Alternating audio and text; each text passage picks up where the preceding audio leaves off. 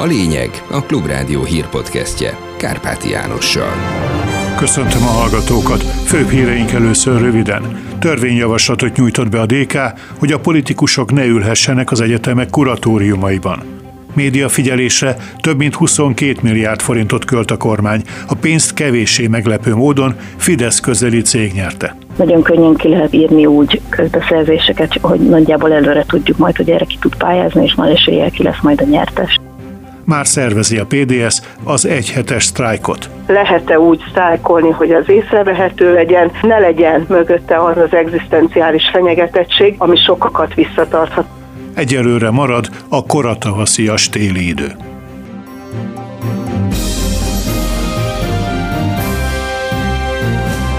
És most jöjjenek a részletek.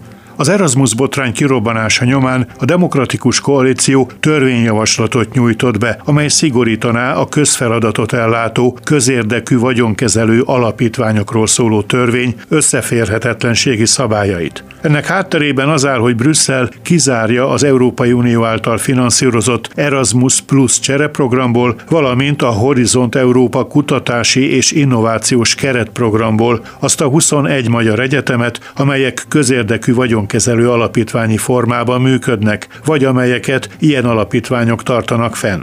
A döntést azzal indokolták, hogy az Orbán kormány továbbra is fideszes politikusok irányítása alatt tartja az alapítványi egyetemeket. A DK szerint, ha a kormányban minimális tartás van, el fogja fogadni az általuk benyújtott törvényjavaslatot, mondta Arató Gergely, a párt parlamenti képviselője a Klubrádiónak. Abban reménykedünk, hogyha a kormánynak egy csöpnyi erkölcsi érzéke van, akkor ezt a törvényjavaslatot beengedik a parlament elé és elfogadják. Az európai intézmények jó előre már az össze jelezték, hogy elfogadhatatlan az, hogy kormánytagok, kormányzati tisztségviselők ülnek a magán egyetemi kiszervezett egyetemek alapítványainak kuratóriumaiban. Ez a törvényjavaslat arra irányul, hogy ezt tiltsuk meg. Ez elhárítaná az egyik akadályt az elől, hogy az Erasmus program és az egyetemi kutatási programok rendelkezésre álljanak a magyar diákok, magyar egyetemeknek is. Az a helyzet, hogy maga az egész alapítványi, vagyonkezelő alapítványi konstrukció rossz. Vállalhatatlan, állami vagyonból hoz létre kvázi magánvagyont. Most arra látunk esélyt, hogy legalább ezt a legnyilvánvalóbb összeférhetetlenséget megszüntessük.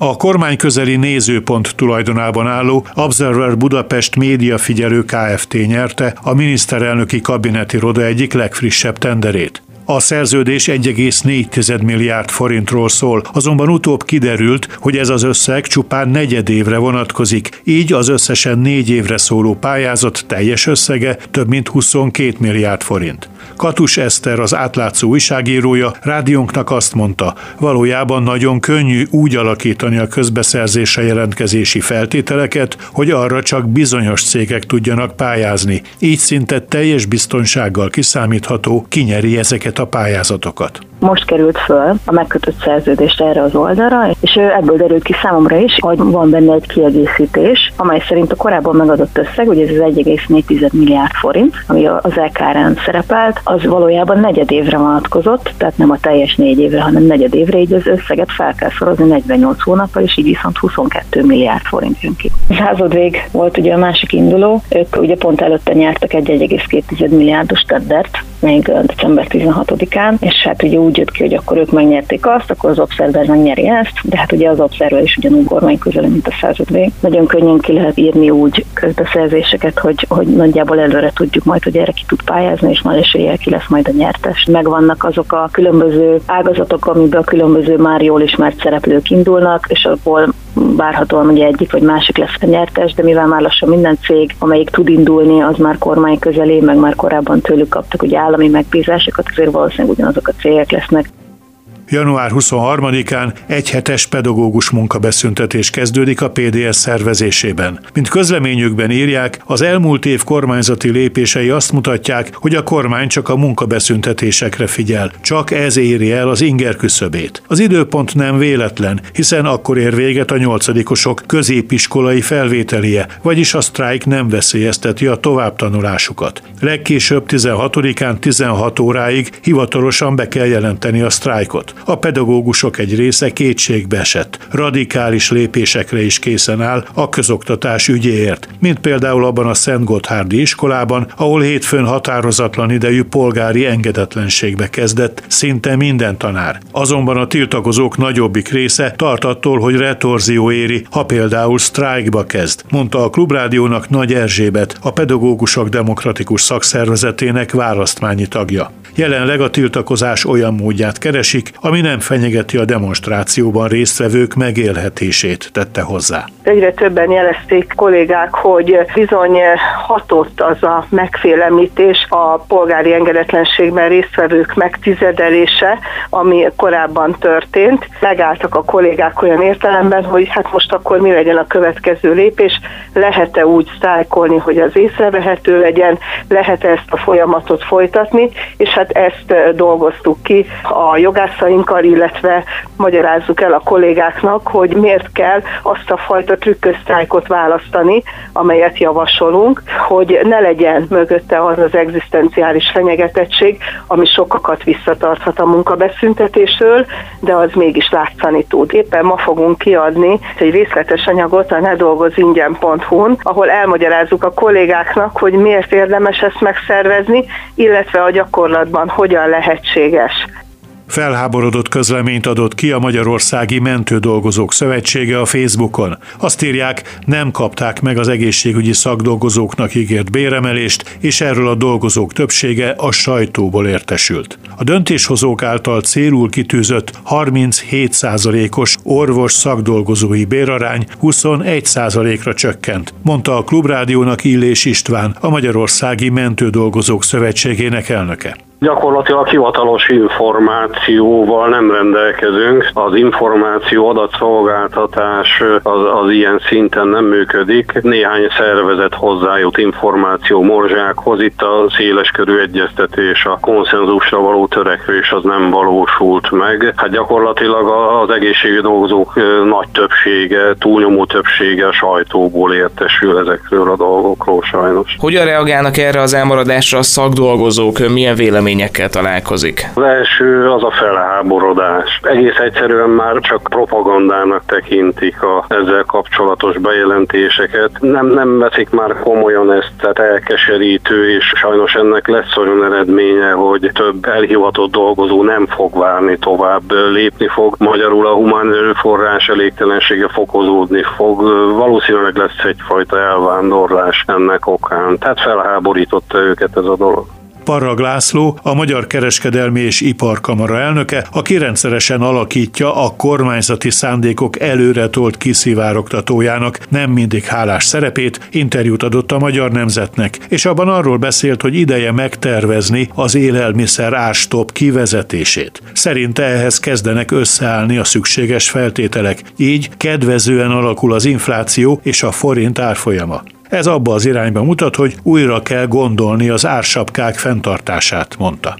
Oroszország Ukrajnával szembeni agressziója még közelebb hozta egymáshoz az EU-t és a NATO-t. Ezt most hivatalos formába is öntötték. Brüsszelből tudósít Arató László megerősíti együttműködését az EU és a NATO, erről írtak alá egy dokumentumot Brüsszelben. A két szervezet tagsága jelentős részben azonos, a 30 tagú katonai szövetség 21 tagállama uniós ország, és ha Svédország és Finnország is NATO tag lesz, akkor ez a szám tovább fog nőni. Mióta Oroszország megtámadta Ukrajnát, az EU és a NATO még szorosabban együttműködik. The regime in Moscow wants, wants a different Europe. A moszkvai rezsim más Európát akar, irányítani akarja szomszédait. A demokráciát és a szabadságot fenyegetésnek tekintik. Ennek hosszú távú következményei lesznek biztonságunkra nézve. Tovább kell erősítenünk tehát a létfontosságú transatlanti köteléket a NATO-ban, mondta Jens Stoltenberg, a NATO főtitkára. A harmadik NATO-EU közös nyilatkozatban kijelentik, hogy az együttműködést a következő szintre emelik. Ez például azt jelenti, hogy kölcsönösen erősítik a kritikus infrastruktúrák védelmét. Együttesen vesznek részt a növekvő geostratégiai versenyben, erősítik ellenálló képességüket, és kezelik az éghajlatváltozás biztonsági vonatkozásait is. We are stronger. NATO has reinforced its presence in Eastern Europe Erősebbek vagyunk. A NATO megerősítette jelenlétét Kelet-Európában, és két új tagja lesz Svédország és Finnország. Putyin kevesebb NATO-t akart, de az ellenkezőjét érte el, több lesz a NATO és több az EU, jelentette ki Charles Michel, az Európai Tanács elnöke. Az EU és a NATO megerősítette, hogy továbbra is támogatják Ukrajnát, amely már közel 50 milliárd euró értékben kapott nyugati segítséget a háború első perceitől kezdve. És most külföldi lapszemle. Újabb akkumulátorgyár épülhet Magyarországon. A Samsung fontolgatja, hogy újabb gyárat épít a meglévő kettő mellé, ahol kizárólag a BMW számára állítana elő erőforrásokat, jelenti a dél-koreai Chosun Ilbo. A lap emlékeztet arra, hogy Magyarországon a vállalat már két akkumulátorgyárral rendelkezik, ahonnan több európai autógyártót szolgál ki. Bár a dél-koreai forrás nem nevezi meg, egyértelmű, hogy a Gödi üzemről van szó, írja a G7 portál, megjegyezve, hogy ezt idehaza egyetlen gyárként szoktuk kezelni, de valójában több ütemben valósult meg, így egy újabb részt lehet akár harmadik üzemnek is minősíteni. Közben, mint arról korábban a Klubrádió beszámolt, botrányba fulladt a Debrecen mellett tervezett kínai akkumulátorgyár ügyében tartott hétfői közmeghallgatás. Az üzemet 2025-ben akarják átadni, de sokan ellenzik a beruházást. A cég képviselőjét lényegében szóhoz sem engedték jutni a zsúfolásig megtelt teremben. Az emberek közbe kiabáltak, és azt kifogásolták, miért nem időben kérdezték meg őket a beruházásról. Nem kérünk belőle! A londoni Financial Times azt írja, a British Vault nevű akkumulátorgyártása 2019-ben létrejött Egyesült Királyságbeli startup cég tőkehiánya küzd, és befektetői konzorciumnak kívánja átadni a többségi részesedést. A bajok fő oka a nagy távol-keleti gyártók érdeklődésének a hiánya. A kínai CATL, illetve a dél-koreai LG Energy Solutions inkább más európai országokban, így Németországban és Magyarországon kíván üzemet létesíteni. A Visegrádi csoport, amelyet Orbán Viktor arra igyekezett felhasználni, hogy annak segítségével erősítse a saját befolyását az EU-ban, ma széttöredezettebbnek mutatkozik, mint az elmúlt 13 évben valaha. Állapítja meg Zgut Psibilska Edit, a Lengyel Tudományos Akadémia kutatója, az Amnesty International Magyarország alelnöke, a zöldpárti Heinrich Böll alapítvány blogján megjelent írásában. Szerinte Magyarország és Lengyelország taktikai szövetségét azt tartja fenn, hogy kölcsönösen függnek egymástól az EU tanácsában az alapszerződés hetedik cikke alapján folytatott eljárás során. Ott ugyanis megvétózhatják a másik elmarasztalását. A lengyel-magyar kétoldalú kapcsolatokat azonban nem állították helyre teljes mértékben. Zbigniew Rau lengyel külügyminiszter továbbra sem fogadja Szijjártó Pétert. Kormányzati szinten nem akarnak közös fotózkodást a fidesz és a kapcsolatot a jelek szerint az államfői hivatalokon keresztül tartják. Így Andrzej Duda találkozott Novák Katalinnal. A blog szerzője megállapítja, a magyar kormányfő vétó erejének vannak határai, ezt jól megmutatta európai tanácsi elszigetelődése.